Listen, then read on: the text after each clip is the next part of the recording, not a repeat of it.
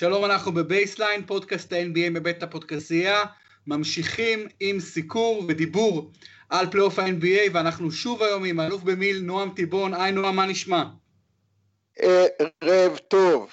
יופי נועם, אנחנו מדברים, רק שהמאזינים שלנו ידעו, בחצאי גמר הסדרות, כאשר בשתי הסדרות במזרח התוצאה היא 3-0, 3-0, קליבלנד מובילה על טורונטו, בוסטון מובילה על פילדלפיה, ובמערב 3-1, 3-1, אה, יוסטון מובילה על יוטה וגולדן סטייט מובילה על ניו אורלינס. נועם, האם ציפית לסדרות כל כך חד צדדיות בשלב כל כך כל כך מתקדם, ממש בצמרת הגבוהה של ה-NBA, אנחנו רואים פתאום סדרות כל כך חד צדדיות, האם ציפית לזה, והאם זה קצת מאכזב אותך? תראה, אה, האמת שאם היו שואלים אותי בתחילת העונה, מי הם ארבע הקבוצות שיעלו לגמרים האזוריים, הייתי אומר קליבלנד, בוסטון, אה, גולדן סטייט כמובן ויוסטון. מה שקרה באמצע שפתאום היה לנו כל מיני טוויסטים בעלילה, המשבר בקליבלנד, החלפת הסגל שמה, והפציעות הקשות של בוסטון, וקרי פתאום נפצע, אבל במהות העניין אנחנו רואים כאן באמת סדרות מאוד חד צדדיות, שאולי אפשר להגיד שהדבר היחידי שהוא קצת הפתעה, ובטח נדבר על זה אחרי זה, זה ה-3-0 של אה, בוסטון, אבל כל השאר, אני אה, חשבתי שזה ייגמר בסביבות 4-1, ואני מעריך שכל הסדרות ייגמרו 4-1 או 4-0.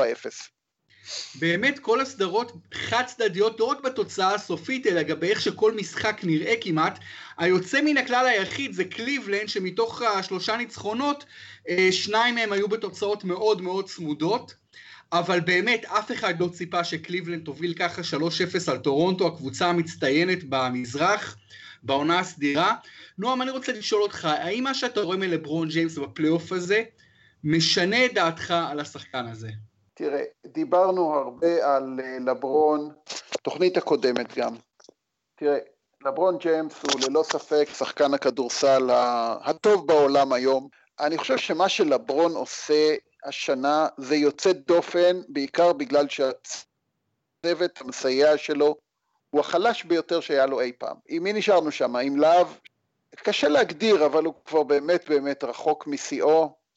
עם ג'י.אר סמית, שגם כן יום בא לעבודה, יום לא בא לעבודה, ובאמת קבוצה מאוד מאוד בינונית, גם החדשים שלהם, אין שם איזה מישהו מרשים. ולברון פשוט לוקח את הקבוצה על הכתפיים, אפשר להגיד, מנצח את המשחקים לבד.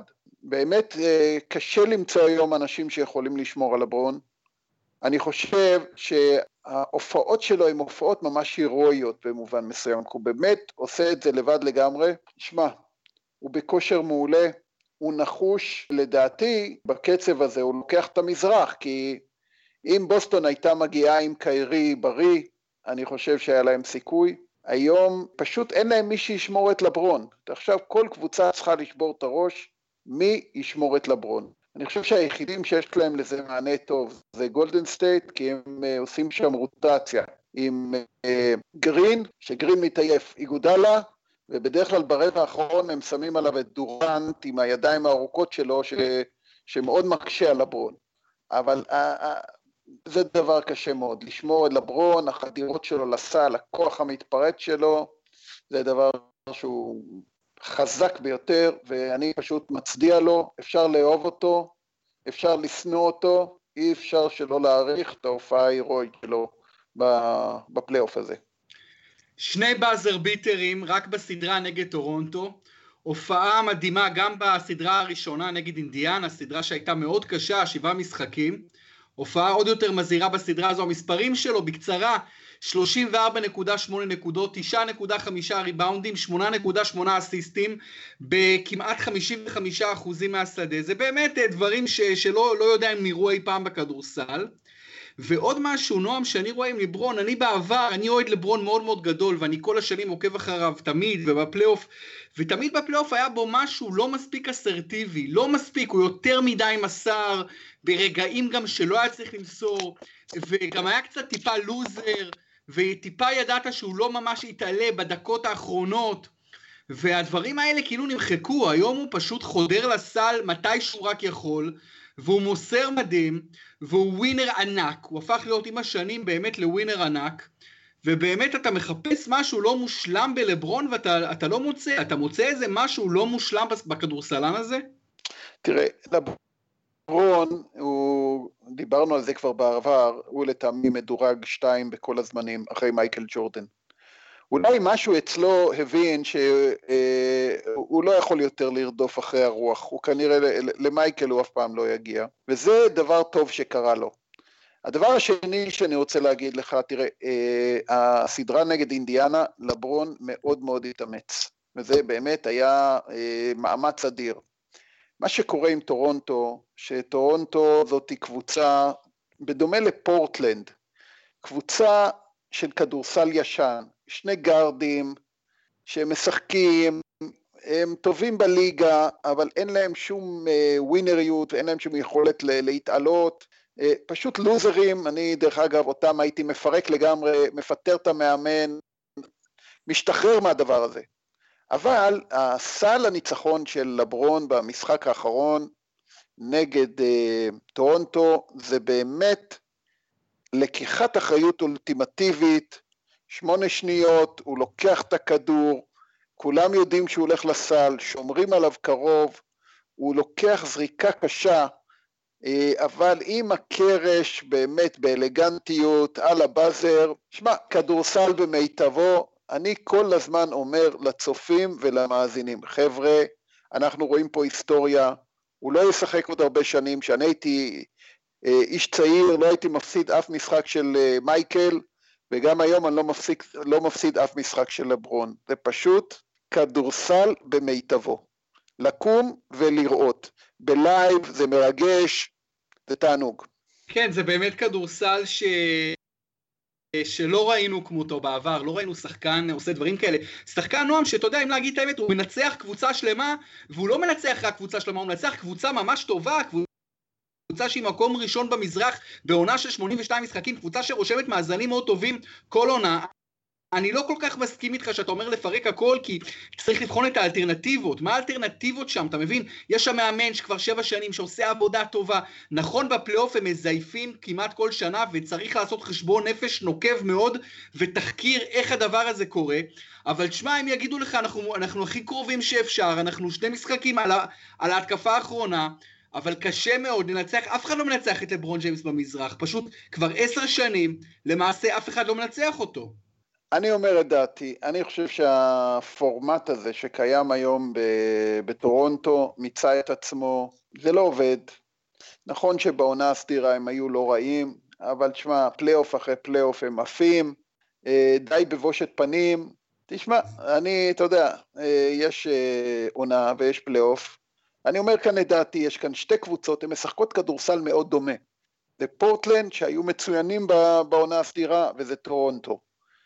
כדורסל נאיבי, שני גארדים, עזוב, זה לא לוקח, אני, לו הייתי הבעלים שלהם, הייתי עושה כאן שינוי עמוק, אבל אתה יודע, זה, זה בהחלט אה, מצד שני, לברון הוא באמת אה, שחקן בליגה אחרת, הוא שחקן טוב, הוא לוקח את ההחלטות, הוא לוקח את האחריות, כל הכבוד, אין מה להגיד. ואנחנו פשוט ליהנות, אין מילה אחרת. אנחנו לא יודעים מתי ההנאה הזאת תסתיים, העונה, מתי לברון יגמור את המסע המופלא שלו. הרבה מאוד דיבורים, נועם, הרבה מאוד ספקולציות על לברון עוזב, לברון כבר יהיה בן 34 בחורף, עוזב את קליבלנד לקבוצה אחרת, אני מחווה את דעתי על זה הרבה, ואני חושב שבעיניי, אני אומר את דעתי, בעיניי זה פשוט בושה וחרפה אם הוא יעזוב את קליבלנד. אסור שדבר כזה יקרה. הוא בן העיר, הוא בן המקום, הוא גיבור ענק של המקום, הרבה מעבר לכדורסל ולספורט.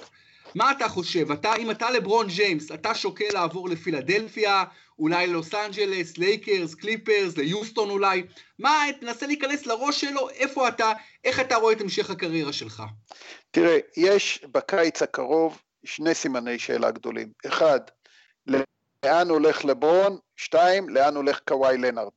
אלה שני שחקנים באמת מה, מהעשירייה הפותחת של ה-NBA, כוכבי ענק, לכל קבוצה שהם ילכו אליה תעבור שינוי עמוק. אני חושב שהרבה תלוי לאן הם יגיעו. אם עכשיו הם יגיעו עדיין לגמר של ה-NBA מול אה, יוסטון או מול גולדן סטייט, לדעתי לברון יישאר וינסה אה, לשפר את הקבוצה ובאמת, ובאמת, בוא נגיד ככה, לסיים את הקריירה בצורה מכובדת בקליבלנד.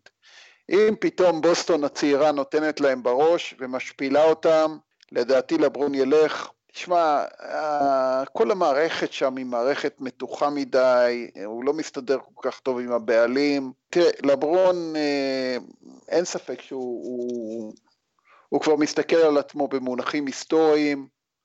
יכול להיות שהוא ירצה ללכת לקבוצה ולהיות כאילו שחקן ראשון שלוקח שלוש אליפויות עם שלוש קבוצות שונות. אה, ללכת לקבוצה צעירה כמו פילדלפיה או כמו לוס אנג'לס, אומרים שהוא מאוד אוהב את העיר ויש לו שם בתים. תשמע, האיש הזה הוא, הוא גם מכונה כלכלית, יש לו מערכת כלכלית מאוד חזקה. אומרים שהוא הביא לקליבלנד שם משהו כמו מיליארד דולר מאז שהוא חזר. הוא מודע לכוח הזה שלו, ו... תראה, אני אגיד לך באמת, אני מאחל לו בהצלחה, אני לא פנאט בעניין הזה, אני לא אכעס עליו אם הוא יעבור קבוצה. שמע, הוא נתן שנים גדולות, הוא החזיק את הליגה הזאת הרבה שנים ככוכב על, ותשמע, פשוט אה, להצדיע לו על מה שהוא עושה, על הספורטיביות שלו, על הנחישות שלו, כמו שאמרתי, לברון אי אפשר להישאר אליו אדיש, או שאתה אוהב אותו או שאתה שונא אותו, אין, אין באמצע, הוא פשוט תופעה. אין, אין ספק, אין ספק, ותראה, מאוד מעניין, הדברים שאתה אומר מאוד נכונים, קודם כל לגבי הריפט, מה שנקרא באנגלית, הנתק הזה וה, והאיבה הזו בינו לבין הבעלים, דן גילברט, זה דבר מאוד מאוד חשוב. Uh, עוד משהו שאנחנו יודעים על לברון, קיירי ארווינג רצה לעזוב, ועזב. אה, אז הוא איבד אה, כוכב אה, על לצידו. הוא בקשר לא טוב עם הבעלים, אף מאמן לא צמח ליד לברון. זה, אני שם את כל זה בטור השלילה של לברון ג'יימס. בטור החיוב של לברון ג'יימס, מעבר ליכולת הכבירה לאורך כל הקריירה, יש, הוא, הוא, הוא, הוא אזרח למופת, גם עושה הרבה דברים מאוד מרשימים בשדה האזרחי, וכמובן מתנהג תמיד למופת כ- כשחקן, אין איתו שום בעיות. אז זה דמות מאוד מעניינת, כי מצד אחד הוא כביכול כדורסלן מדהים, וגם יופי של, וגם בן אדם טוב, מצד שני, הדברים האלה, למה הוא, לא, למה הוא לא בקשר טוב עם הבעלים? זה משהו שקשה להבין אותו, אתה מבין? הרי אתה המלך, יותר מהבעלים, אתה מקבל כל כך הרבה כסף. מה עכשיו, למה לעזוב את קליבלנד, העיר הזו שכל כך אוהבת אותך וכל כך תלויה בך, בשלב כל כך מאוחר של הקריירה? אלה הדברים שמפריעים לי בלברון, אתה מבין? השניות הזו מפריעה לי, שלברון עכשיו בכלל, הדיבור שהוא בכלל חושב לעזוב, זה, זה בעיניי מגלם את הכל, זה כל כך חבל הדבר הזה. תראה, לברון, תראה, אני בעסק הזה אומר את הדבר הבא. לברון, אי אפשר, אין, אי אפשר להחזיק לידו מעמד. הוא כל כך דומיננטי, הוא, הוא, הוא דורש מעצמו ודורש אה, מהאנשים שלידו דברים שהם כנראה קשים מאוד, לא סתם אה, קווין לאב מדבר על המחשבות האובדניות שלו, וטיירון לו פתאום חולה, חטף איזה התקפת עצבים, זה ברור שהוא מנהל שם את העסק, זה one man show, אין שום עץ שיכול לגדול מתחתיו, וקיירי ארווינג הבין את זה, דרך אגב, הוא זה שהביא להם את האליפות, קיירי, לא לברון, תשמע, אפשר, הוא, הוא, הוא בלתי אפשרי, הוא מרוכז בעצמו, זה מכונה, זה רובוט, לכן, אתה יודע, בעסק הזה, אה, תראה. בלתי אפשרי אה, לטוב, לטוב ולרע, הוא בשני המובנים, זה תמיד, זה תמיד לברון נגד שאר העולם. ככה זה עובד אצלו, לברון דרך נגד שאר העולם. אני חושב שהיחידי אולי שהצליח ככה לפרוץ קצת את המערכת הזאת זה דוויין וייד, כי באמת יש שם יחסים של חברות ו- וכבוד. נו אז מה, הוא בא לקליבלנד ותקדק החליפו אותו, אתה מבין? נכון, אז לכן... נכון, כי הוא לא היה מספיק טוב, אין, נכון. אין, אין ללברון, אין חברים, הוא לא רואה אף אחד ממטר. דרך אגב, עוד נקודה שאני לא אהבתי אצלו, הוא לא תמיד הלך לשחק בנבחרת ארה"ב באולימפיאדות. אתה יודע, יש לו, יש לו בכף הזכות וכף החובה. בכף הזכות, כדורסלן מדהים, מספר אחד בעולם. לכף החובה, כנראה בן אדם בלתי אפשרי, לא יודע לגדל אה, אף אחד שיעבוד לידו, ותשמע, כוכב על, יש אחד כמו בעולם, אז הוא יכול להרשות לעצמו. נכון. תשמע, קווין לאב אומר עליו משהו מעניין, שואלים אותו, לברון מנהיג, אז הוא אומר, תקשיבו, מה זה מנהיג? אומר, בן אדם שמגיע כל יום שעתיים לפני האימון ונשאר אחרי כולם ועובד הכי קשה, אומר, זה, זה מנהיג. אומר, רק צריך להסתכל עליו, אתה, אתה, והוא השחקן הכי טוב בקבוצה גם כן, אומר, בזה זה מסתכם, זה כאילו... זה באמת משהו יוצא דופן בכל מובן, וגם איך שהוא עובד, ומה שהוא דורש מעצמו, הוא גם בן אדם שדורש מעצמו אולי דברים שמעט מאוד, מאוד כדורסלנים, אם בכלל דורשים, ותשמע, לזכותו ייאמר, נועם, שאנחנו מדברים עליו כל כך הרבה, כי הוא עושה דברים תקדימיים, הוא באמת משחק אחרי משחק עושה דברים שאתה אומר, אני רואה כדורסל 40 שנה, לא ראיתי דבר כזה. אז באמת יש פה משהו מאוד מיוחד, כדורסלן היסטורי, מסכים איתך שהוא יצוק בטון בעמדת השני בכל הזמנים, נכון לעכשיו, אבל נועם, נועם, אתה בטח יודע שיש המון דיבורים, לא מעט אנשים, שחושבים שהוא יותר גדול ממייקל ג'ורדן. אני לא אומר שהם צודקים, אבל יש לא מעט אנשים כאלה. אפילו סימי ריגר כתב את זה היום. תראה, אה, א', אני מעריך מאוד את שמחה ואת דעותיו. עזוב, זה, אתה יודע, היו עושים סקר של אזרחי העולם, אה, מייקל בנוקאוט, לא ב-70-30 אלא ב-90-10 היה לוקח. מה אתה חושב? לגמרי, כי עזוב, מייקל לא הפסיד אף פעם פלייאוף, הוא, הוא לקח שש אליפויות, היה יכול לקחת שמונה או עשר. עזוב, חבל, הוא, הוא רודף אחרי הרוח. אני כן אגיד לך משהו. תדע לך שהוא לא רודף, אה, יחסית קובי בריינט. אני אגיד לך משהו. נניח שעכשיו היו אומרים לי, נועם, תבנה את נבחרת החלומות שלך, משחקני ה-NBA. מי השחקן הראשון שאתה בוחר? לך אני אומר, זה לא היה לברון ג'יימס. אני הייתי לוקח את קווין דורנט. למה? כי הוא שחקן קבוצתי. לברון באיזשהו מקום הוא לא שחקן קבוצתי, יש איתו המון בעיות, ולכן, אתה יודע, הוא מצד אחד כל כך גדול, מצד שני, הוא כל כך שנוי במחלוקת. הוא לא שחקן אהוב. You love him or you hate him. ויש לא מעט ששונאים אותו על ה... המון, על... המון, המון, המון.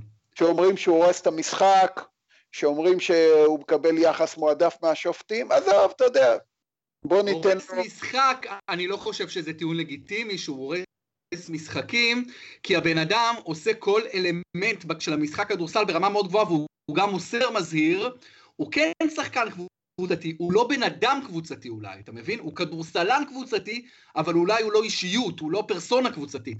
יש, אה, יש משהו, אתה מבין, בין לבין, אבל מה שאמרת לגבי לבחור ראשון את קווין דורנט זה לא מופרך. קווין דורנט עושה כמעט כל מה שלברון עושה בצורה יותר שקטה ויותר הרמונית.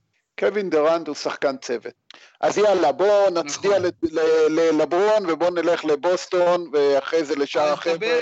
אז בואו נדבר על בוסטון, אוקיי, בואו נדבר על בוסטון, הקבוצה ש, שממשיכה להדהים את כולנו, עם 3-0 נגד פילדלפיה שהייתה הפייבוריטית של מרבית המומחים לנצח את הסדרה הזו, פילדלפיה שבאה לוהטת, רותחת, עם הצעירים ועם עומק ועם הקהל ועם הכל, ובוסטון, בלי קיירי ארווינג, בלי גורדון הייוורד שכבר שכחנו ממנו בכלל, ואני חושב שגם ביוטה שכחו ממנו בגלל הגדולה של הרוקי דונובל מיטשל, ובלי אה, עכשיו אה, עוד שחקן נהדר כמה משחקים בלעדיו ג'יילן בראון, ועושים את זה עם אלמון, אתה יודע, עם טרי רוז'יר רכז מחליף, אל אורפורד הסנטר משחק מדהים, מדהים.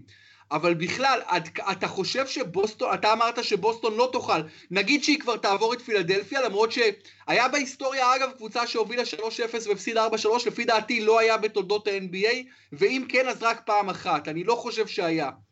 אה, תראה, אז... תראה, תראה, תראה, אני א', כמו שאתה אוהב את לברון, אני אוהב את בוסטון, זאת הקבוצה שלי, אז לכן... כן. אה, כולי מלא נחת לדבר על הקבוצה הזאת. דבר עליהם כמה שאתה רק רוצה, זה מעניין. כן, זו קבוצה אהובה עליי ביותר. תראה, אני גדלתי עוד על לארי ברט ואחרי זה על פול פירס, עזוב, זו הקבוצה שלי.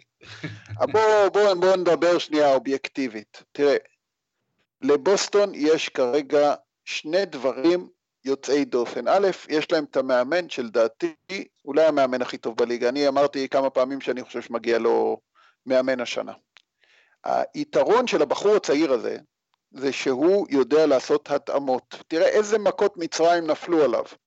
במשחק הראשון, אני זוכר את זה כמו אתמול, הייוורד קופץ, טאק, שובר את הרגל. אחרי זה הפוכה... בצורה מזעזעת שאפשר לעלות על הדעת. כן, כן. אחרי זה הכוכב הכי גדול שלו, קיירי, נפצע. עכשיו, יש כאן, בבוסטון, תראה, זה מעצמת כדורסל, הרוח של רד אורבך שם מנשבת, הבוסטון גרדן זה חתיכת מבצר שאף אחד לא אוהב לבוא לשם עם כל הבוסטונים המשוגעים, שמע, הייתי יושב שם עם הילדים שלי ביציע, עזוב, זה, זה תענוג, זה חולי רוח, חולי רוח אמיתיים, אתה מבין מה אני מתכוון? זה לא ילדים, זה פשוט חולי רוח של כדורסל. וזה אה, זה, זה דת שם, אתה מבין? עכשיו, יש כאן באמת, אז מצד אחד מאמן יוצא דופן, שמצליח לעשות פלאים, וזה כמו שוליית הקוסם, כל פעם שנפצע לו שחקן, טק, מעלה אחד קדימה. דבר שני, אני זוקף הרבה מאוד למנהיגות השקטה של אל הרפורד. וזה אני אסביר לך, אולי זה ההבדל הגדול מול פילדלפיה, כי כאן יש צעירים וכאן יש צעירים. אבל בפילדלפיה אין מבוגר אחראי. כי אין שם מישהו שיקח את אמביט וייתן לו שתי סטירות ויגיד לו תפסיק לבלבל את המוח, תתחיל לקלוע. אתה מבין מה אני מתכוון? כן.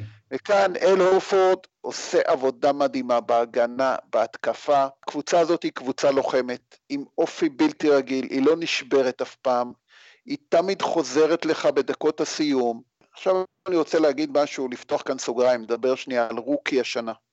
כי באמת דיברנו הרבה על שלישייה שהיא העתיד של הליגה, כן? זה, זה בן סימונס, זה דונובין מיטשל וזה טייטום. אני שמתי לעצמי סימן, אני נותן את רוקי השנה לזה שיעלה את הקבוצה שלו לגמר. וכרגע, מי שנראה הכי רציני, אני חייב להודות, זה טייטום, עם הסיכוי הכי גבוה להעלות את קבוצתו לגמר.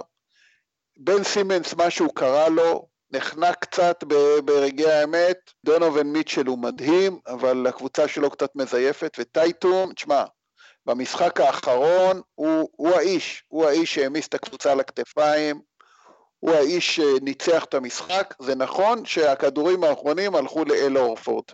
וככה אתה מבין, אתה בונה קבוצה שהיא מאוד ממושמעת, יש להם חיילים ממושמעים, נלחמים, פשוט תענוג של קבוצה, ותשמע, אני, אתה יודע, אנחנו בתור אוהדים מתפללים בלילה שינצחו את לברון, לדעתי אם קיירי היה בריא היו מנצחים אותו, היום אני חושב שהם בעיקר שוברים את הראש איך לשמור על לברון, כי זה, כמו שאמרנו, מאוד מאוד לא פשוט. בפירוש, ובאמת ג'ייסון טייטום, באמת אין אה, ממש כל כך הרבה מחמאות מגיעות לרוקי הצעיר הזה כל כך, בן 19, 20, שמשחק כדורסל כל כך חכם, כל כך אחראי, כל כך מגוון, הוא גם קולע, גם חודר, גם חצי מרחק, גם משחק חכם, באמת יופי יופי של שחקן, אין ספק בכלל.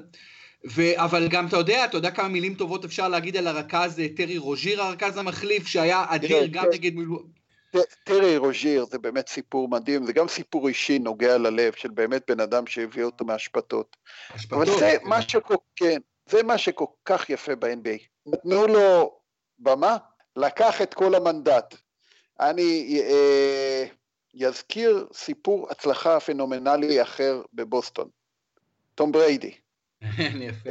הגיע, אתה יודע, הגיע גם כן בתור איזה בחירה, אני לא זוכר אפילו איזה בדראפט. 199. כן, קווטרבק מחליף, אתה יודע, אף אחד לא ספר אותו לא ממטר. לא, לא מחליף. תום בריידי וטרי רוז'יר זה לא מחליפים, זה הוא קווטרבק שלישי, וטרי כן. רוז'יר התחיל את הקריירה כרכז שלישי, לא רכז מחליף, כן, רכז כן. שלישי. עכשיו, החבר'ה האלה, תום בריידי... מקצה הספסל, מקצה הספסל עד לצמרת. נתנו לו, נתנו לו במה, לקח את זה בשתי ידיים והפך לכוכב הגדול ביותר של, ה, של ה-NFL לדעתי בכל הדורות. וגם את ג'יזל קיבל, קיבל הכל, קיבל כסף, קיבל הכל. טרי רוז'ר זה אותו סיפור. בא מאמן, נותן לך צ'אנס, ואתה פשוט מרים את הכפפה. מבין את גודל המעמד, מבין שיש לך one shot. חבל על הזמן, ותשמע, זה פשוט תענוג לראות אותו, איך הוא משחק, איזה חוכמה. תראה, גם בוסטון באמת, הם נלחמים, הם נלחמים, אתה מבין מה אני מתכוון? כי אתה אומר... הם נלחמים, הם נלחמים לגמרי. אתה רואה את פילדלפיה, אתה רואה מפוצצת בכישרון, אמביד שזה חתיכת רולה, אין, לא נלחמים, ותראה, אני אגיד לך גם על בן סימונס, קראתי משהו ש... ש... שקובי כתב לו, ואני מאוד הזדהיתי עם זה. קובי כתב שם, האם אני יכול לתת לך עצה? תמציא מחדש את הזריקה שלך. זה שבן סימונס לא זורק אפילו זריקה אחת לשלוש, שכל הנקודות שלו הם מהצבע, זה, זה נקודת חולשה. אין, שחקן לא יכול להיות כזה היום. שחקן חייב להיות בחוץ, בפנים. אה, אם אתה רק שחקן שיודע לקלוע מהצבע, אתה כנראה לא תוכל אה, לשרוד בליגה הזאת. אתה יודע, ככוכב על. ובאמת בוסטון, תשמע, פשוט ללקק את האצבעות. פילדלפיה, בוא נדבר עליהם שנייה. תראה, אם זה ייגמר ב-4-0, זה יכול להיות מכה פסיכולוגית לפילדלפיה להרבה שנים. כי תשמע, זה, זה, שתי הקבוצות האלה יתחרו ביניהם עוד הרבה שנים. הם חייבים לנצח לפחות משחק אחד, להחזיר לעצמם את הכבוד. הם, אה, את אמביד, אני חושב שצריך להעביר אותו סדרת חינוך, פה גדול מדי, שחצן גדול בלי קבלות וגם מפונק, פעם משחק, פעם לא משחק, זה לא עובד ככה. וכן, בן סימונס חייב לאיים על הסל גם מהשלוש, הוא לא יכול רק בצבע. בצבע צפוף, בפלייאוף מרביצים וסוגרים את הצבע, ותשמע, שחקן כזה גומר משחק פלייאוף עם נקודה אחת, זה לא מקובל. זה לא מקובל ברמה של כוכבי על. אז תשמע, שנה ראשונה לומדים, אבל uh, אין ספק שאנחנו רואים גם פער גדול בין המאמנים. Uh, סטיבנס, שמע, הוא, הוא פשוט חכם, הוא מתאים את עצמו, אתה רואה שאתה יודע, אנחנו רואים את זה גם אצל סטיב קר, אצל המאמנים הגדולים באמת. שמע, כל הזמן יש התחדשות, כל הזמן יש התאמה אל מול היריב. לעומת זאת, המאמן של פילדלפיה לטעמי קצת אה, שמרן מדי, כתוצאה מזה הקבוצה שלו מפסידה. תראה, קודם כל קצת חבל שאת המשחקים של בוסטון ופילדלפיה משדרים אה, מעט מדי. נכון. בקושי, זה... משדרים. מעצבן מאוד, אני רואה אותם בליג פאס, במחשב. כן. אבל מה, זה לא בסדר, זה קבוצות העתיד וחייבים להראות אותם. זה כאן עשו, מי שבחר את המשחקים. אין ספק אה, שצריך, זה קבוצות גם עם הרבה אוהדים בישראל, צריך לשדר אותה, את הסדרה הזו יותר. Uh, בנוגע לברד סטיבנס, תראה, מה שמעניין זה שהוא היה נחשב למאמן קולג' גאון. למה גאון? כי הוא לקח מכללה קטנה מאינדיאנפוליס, מכללת באטלר, והביא אותה פעמיים לפיינל פור. זה הישג שהוא, אתה יודע, הוא בלתי נתפס. הוא הגיע ל-NBA בעקבות ההצלחה הכל כך גדולה מהקולג'ים, והוא הפך את בוסטון לסוג של קבוצת קולג' במובן הכי חיובי, כמו שאתה אומר, צעירים, נושכים, לוחמים, ממושמעים. אתה יודע, זה משחקים לא כמו קבוצת NBA רגילה. עכשיו, אסור לשכוח שהוא כבר שם, לא, הוא כבר שם כמה שנים, והם תמיד נעצרים בשלב מסוים בפלייאוף, ונעצרים בצורה כואבת. שנה שעברה בגמר... שנה שעברה בגמר המזרח הם ספגו 4-1 שכל משחק שהם הפסידו כמעט קיבלו תבוסות ענקיות מלברון וקליבלנד. תראה, מאוד, תראה, מאוד לא ירצו לשחזר את זה שם השנה. תראה, תראה, תראה, אחרי מה שקרה שנה שעברה, באמת ההנהלה של בוסטון ביצעה מהלך יוצא דופן עם קיירי. ואני מצדיע להם על האומץ, אה, תשמע, זה, זה לא פשוט. זה התומאס היה הכוכב הגדול שלהם, הוא שיחק כדורסל ביום שהאחות שלו נהרגה. הוא, הוא פצע את עצמו בשביל הקבוצה, אתה מבין מה אני מתכוון? כן, כן. ובלי בושה נתנו לו בעיטה בתחת, כי אתה יודע, זה business כאן. זה business, זה מה שדני איינג' היה צריך לעשות. זה דני איינג', שמע, אני, אתה יודע, אפרופו הנאום הנלהב שלך על לברון ועל על, על קליבלנד, זה business, אתה מבין מה אני מתכוון? ודני איינג' עשה את מה שצריך. שמע, בוא נגיד ככה, בוסטון, זה, תקשיב מה שאני אומר לך, בחמש שנים הקרובות, אחרי שהשושלת של... Uh, גולדן סטייט תירגע, כן? כן. כי מתישהו הגיל ייתן בהם את אותותיהם, בוסטון תיקח אליפויות. אם הם ידעו לשמור על הסגל הזה, הם כולם צעירים, קיירי בן 25, החבר'ה האלה יתאמנו ביחד, ירוצו ביחד. ג'יילן בראון, טייטום. כן, כן, תשמע, יש להם קבוצה נהדרת עם מרקוס סמארט ועם רוז'יר, תשמע, פשוט יופי של שחקנים, יופי של קבוצה, יופי של מאמן, יופי של הנהלה, מסורת, אסור לשכוח שבוסטון זה הקבוצה המעוטרת ביותר ב-NBA, אז אנחנו מחכים שיביאו לנו אליפויות לעיר שלנו שכל כך משוועת לעניין הזה.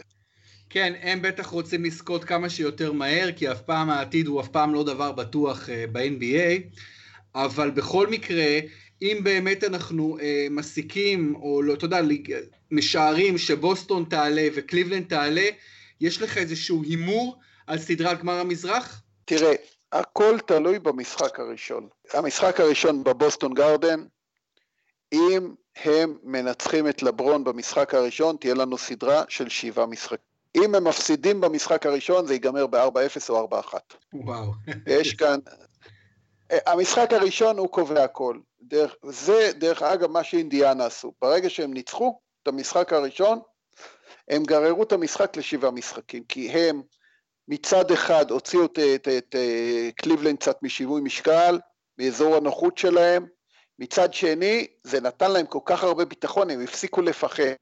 אולודיפו הפסיק לפחד מלברון, אתה מבין מה אני מתכוון? עכשיו, ברגע שאתה מפסיק לפחד מלברון, אתה יכול לנצח אותו. מה קרה לליצנים האלה מטורונטו? פשוט חוו, עשו במכנסיים, נו, אין לי, אין לי מילה אחרת. מהמשחק הראשון הוא ניצח אותם, ומאז הם לא מסוגלים. לכן, אם אני בוסטון, הייתי מתאבד על המשחק הראשון, לדעתי, אה, כמו שאמרתי, אם הם מנצחים את המשחק הראשון, יש לנו סדרה של שבעה משחקים. אם הם מפסידים, זה או 4-0 או 4-1. אני מהמר על 4-2 לקליבלנד, בהינתן שבאמת כל תוצאה אפשרית בסדרה הזו, אפילו ניצחון 4-0, 4-1 לבוסטון, גם זה אפשרי, גם זה לא יפיל אותי מהרגליים, אתה יודע, זה פשוט, אה, באמת הכל יכול להיות... הכל פתוח, תשמע, אני שובר את הראש מי ישמור על לברון. מי מספיק חזק לשמור על לברון, כי, כי בראון וטייטום הם, הם קטנים מדי, הם רזים מדי, כן. אולי הייתי הולך למוריס או לסמארט, צריכים שם, אתה יודע, לשמור על לברון צריכים שחקנים חזקים. אה, אל הורפורד הוא איטי מדי, כן, הוא איטי מדי, הוא איטי מדי, לברון יעבור אותו כל שנייה. הקיצור, זה, זה מה שאני בטוח שסטיבנס כבר חושב על זה, זה, זה האתגר.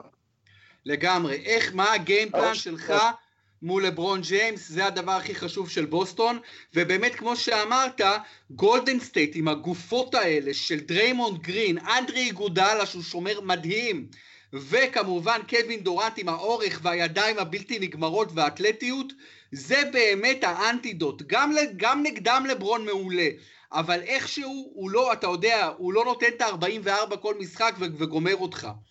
וזה באמת הדבר כן. הכי, הכי חשוב. נכון, נכון מאוד. אה, אוקיי, אנחנו, אה, אתה יודע, דיברנו הרבה מאוד על המזרח, אני אפילו אולי חושב לעשות עוד פודקאסט על המערב עוד יומיים שלושה, שכבר יהיה לנו עולות בטוחות, למרות שכמעט בטוח זה יהיה יוסטון וגולדן סטייט. Uh, ויש, תשמע, נועם, יש עוד נושאים לדבר עליהם, אני לא יודע אם עכשיו יש לנו, אתה יודע, עוד כוח לדבר על עוד דברים, אבל יש, בוא רק דבר אחד, יש מאמן אירופי ראשון ב-NBA. באמת דיוויד בלאט הוא בסופו של דבר קודם כל אמריקאי, וככה גם ראו אותו בארצות הברית, אבל, אבל uh, יש מאמן חדש, אה, קוקוסקוב, קוקושקוב, איגור קוקושקוב, uh, סרבי, שלא היה שחקן גדול אם בכלל, קיבל לאמן את פיניקס אחרי הרבה שנים של, של עוזר מאמן מאוד מוערך ביוטה. אתה חושב שזה יכול לפתוח דלת למאמנים אירופים לא אמריקאים נוספים בליגה הטובה בעולם, אולי את אורם מסינה, אולי הרבה, אולי אחרים בעקבותיהם, או שזה משהו שיהיה כזה סוג של חד פעמי?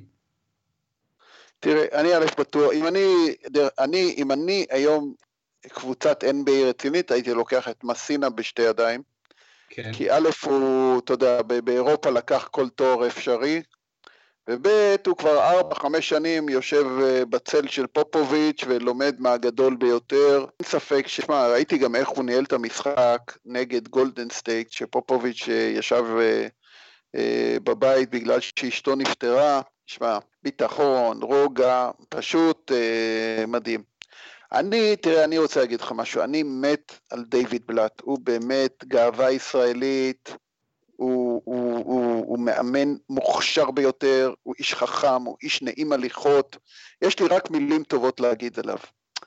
קרתה לו תאונה, התאונה הזאת הייתה, הוא נבחר לאמן את קליבלנד, קבוצה קטנה, אה, איך אומרים, בלי יותר מדי ציפיות, פתאום לברון חזר הביתה, ותשמע, כמו שאמרתי, ליד לברון, אף אחד לא יכול אה, לצמוח. אם אני הייתי דיוויד בלאט, הייתי אומר לו היום, לך תהיה עוזר מאמן, אל תנסה להיות head coach, לך תשב ליד, אתה יודע, אני פשוט אומר, איזה פיקשוש הוא, הרי סטיב קר הציע לו להיות העוזר מאמן שלו. מי שעוזר מאמן, מאמן של סטיב קר שנה-שנתיים, אוטומטית כל הקבוצות רודפות אחריו, יש לו כבר שתיים. גם אה, הפליקאנס זה עוזר מאמן שלו, וגם הלייקרס זה עוזר מאמן שלו, וולטון, אתה מבין? היה יושב דיוויד בלאט, לומד מסטיב קר שהוא אולטרה מאמן ואישיות בלתי רגילה, ואחרי זה כל קבוצה הייתה חוטפת אותו. באיזשהו מקום השם שלו הוכתם, ולא באשמתו, בגלל הכסח הזה עם לברון, ובגלל שבאמת קליבלנד, תקשיב, הוא הביא אותם לגמר, ועדיין היו מוכנים להיפטר ממנו ולשים את העוזר מאמן שלו במקומו, אתה יודע, זה מין, אתה יודע, זה כתם שקשה להשתחרר ממנו. ולכן אם אני יכול לתת עצה אחת לדייוויד בלאט, לך תהיה עוזר מאמן כמה שנים, ואז תשב בשורה הקדמית, הוא עוד בחור צעיר. דבר שני לגבי המאמנים האירופאים, תראה, הליגה היום היא, היא, היא, היא, היא כבר ליגה עולמית, ה-NBA ליגה עולמית, יש שחקנים מאפריקה, מסין, מטורקיה, מדרום אמריקה, מצרפת, מספרד. שמע, אתה רואה קבוצות כמו הלייק, כמו, סליחה, כמו סן אנטוניו, זו קבוצה בינלאומית בכלל. כמובן, כל הסרביות למיניהם, ואתה יודע, כל היוקיצ'ים וכל אלה, תשמע, זה שחקנים מובילים, זה שחקנים מוערכים, הם הופכים להיות חלק מהמשפוחה, ולכן אני לא רואה שום סיבה שלא יהיו מאמנים תוצרת אירופה, אהלן וסהלן, ואני כמובן ממשיך לקוות ולהתפלל שגם דיוויד בלאט ימצא מקום. אם הוא שומע אותי עכשיו, דיוויד, לך תהיה עוזר מאמן. זה קצת פחות כבוד, אבל זה בנייה הרבה יותר טובה לעתיד, תעשה איזה שנתיים, שלוש, אחרי זה, אני אומר לך, בוודאות תקבל קבוצות ותצליח. תראה, קודם כל דיוויד בלאט, אני חושב בגילו ובמעמדו, לא, יאו, לא ישעה לעצתך, לא ילך להיות עוזר מאמן. זו דעתי, אני לא, מצד... אני לא אומר שזו החלטה נכונה. אני לא אומר שאתה מייעץ לו לא טוב, אבל לפי דעתי בלאט לא יסכים להיות עוזר מאמן. אבל יכול להיות אה, שאתה צודק, נועם, בעניין הזה, שבלאט בינתיים מתראיין לא מעט ולא משיג עדיין קבוצה. עדיין לא מצליח להשיג קבוצה, באמת יש את העניין הזה של הכתם שאתה שכחת לציין שאחרי שקליבלנד זרקה את דויד בלאט היא זכתה באליפות היסטורית, זה גם דבר, זה גם דבר חשוב לציין, אבל יש את הכתם הזה באמת, זה לא אומר שהדרך חסומה בפני בלאט, אבל זה לא פשוט. עוד משהו לגבי מסינה, מסינה לא נשמע, לא שומעים את השם שלו בכל המועמדים החמים, עכשיו לכל המשרות הפתוחות שזה מאוד מפתיע, יכול להיות שקבוצות NBA חושבות שהוא מבוגר מדי קצת מבחינתן, אבל אני מסכים איתך שקודם כל אתורה מסינה, מאמן שבאירופה הצליח, יותר, הצליח מדהים, וגם עם פופוביץ' הוא באמת לפי דעתי מינוי שהוא ממש חובה. וגם אני חושב, כשברגע שמונה הקוקושקוב הזה, שבאירופה בכלל לא מכירים אותו, למרות שתשמע, הבן אדם הזה לקח עם סלובניה את אליפות היורו-בסקט, אליפות אירופה לנבחרות, עשה הישג אדיר, הישג היסטורי, אז כנראה שהוא באמת מאמן מאוד מאוד מוכשר. ובכל מקרה, אה, אני חושב שיהיה מאוד, שכמו שאתה אומר, הדלת יותר תיפתח למאמנים מחוץ לארצות הברית. מעניין לראות מה יהיה עם בלאט. עוד, עוד דבר חשוב שקורה ממש עכשיו לפני שעה, שעתיים, יצאה ידיעה שסטן ון גנדי סיים את דרכו בדטרויט לאחר, לאחר שלוש או ארבע שנים מאוד מאכזבות. אז דטרויט פיסטונס, עוד מועדון מאוד גדול, יחפש מאמן. לך תדע, יכול להיות שבסוף בסוף דיוויד בלאט ירוויח ויצחק על כולנו ויגמור בקבוצה גדולה. הלוואי, כי אני כמוך מאוד מאוד מעריך אותו כאיש מקצוע וכבן אדם. ונועם, סך הכל היה באמת אה, שיחה, חבקנו ממש את כל המזרח ואת, אה, ואת סצנת המאמנים. על המערב בוא נדבר פעם הבאה. אז א', בשמחה נדבר על המערב פעם הבאה. כי הסדרה יוסטון גולדן סטייט יכולה להיות סדרה אדירה, באמת אדירה. תראה, אנחנו מחכים לזה כבר שנה שלמה, לדו-קרב הזה של האקדוחנים. נראה לי ששתי הקבוצות מגיעות ככה בכושר טוב, אין פצועים, לשמחתי הרבה. ושמע, זה הולך להיות, אה, אתה יודע, אבו זקן והחבר'ה שלו נגד קרי ודורנט. וואו וואו וואו, אני כבר מחכה לראות את זה, זה הולך להיות תענוג צרוף, כן, זה הולך להיות כדורסל התקפי, יפה, זורם. אז בואו נקשקש על המערב בפעם הבאה, ובינתיים נאחל לדיוויד בלאט בהצלחה, ואני כן אומר לו, תקשיב, העצה שנתתי לך זאת היא עצה טובה. אה, אוקיי, יאללה. אוקיי, יהיה מעניין. נועם, המון המון תודה. וכמובן תודה לכם שהייתם איתנו בבייסליין, הפודקאסט שלנו, פודקאסט ה-NBA מבית הפודקסייה, חפשו אותנו בפייסבוק ובאפליקציות, וכמובן את יתר הפודקאסטים של הפודקסייה. את פרמיירה על הפרמייר ליג עם אבי מלר ואיתי, עולים לרשת טניס, מכבי בול, מכבי תל אביב, תינוקות באז במנצ'סטר יונייטד, ונובחים בירוק, מכבי חיפה, כמובן. אז תודה רבה שהייתם איתנו, ונשתמע בקרוב, להתראות.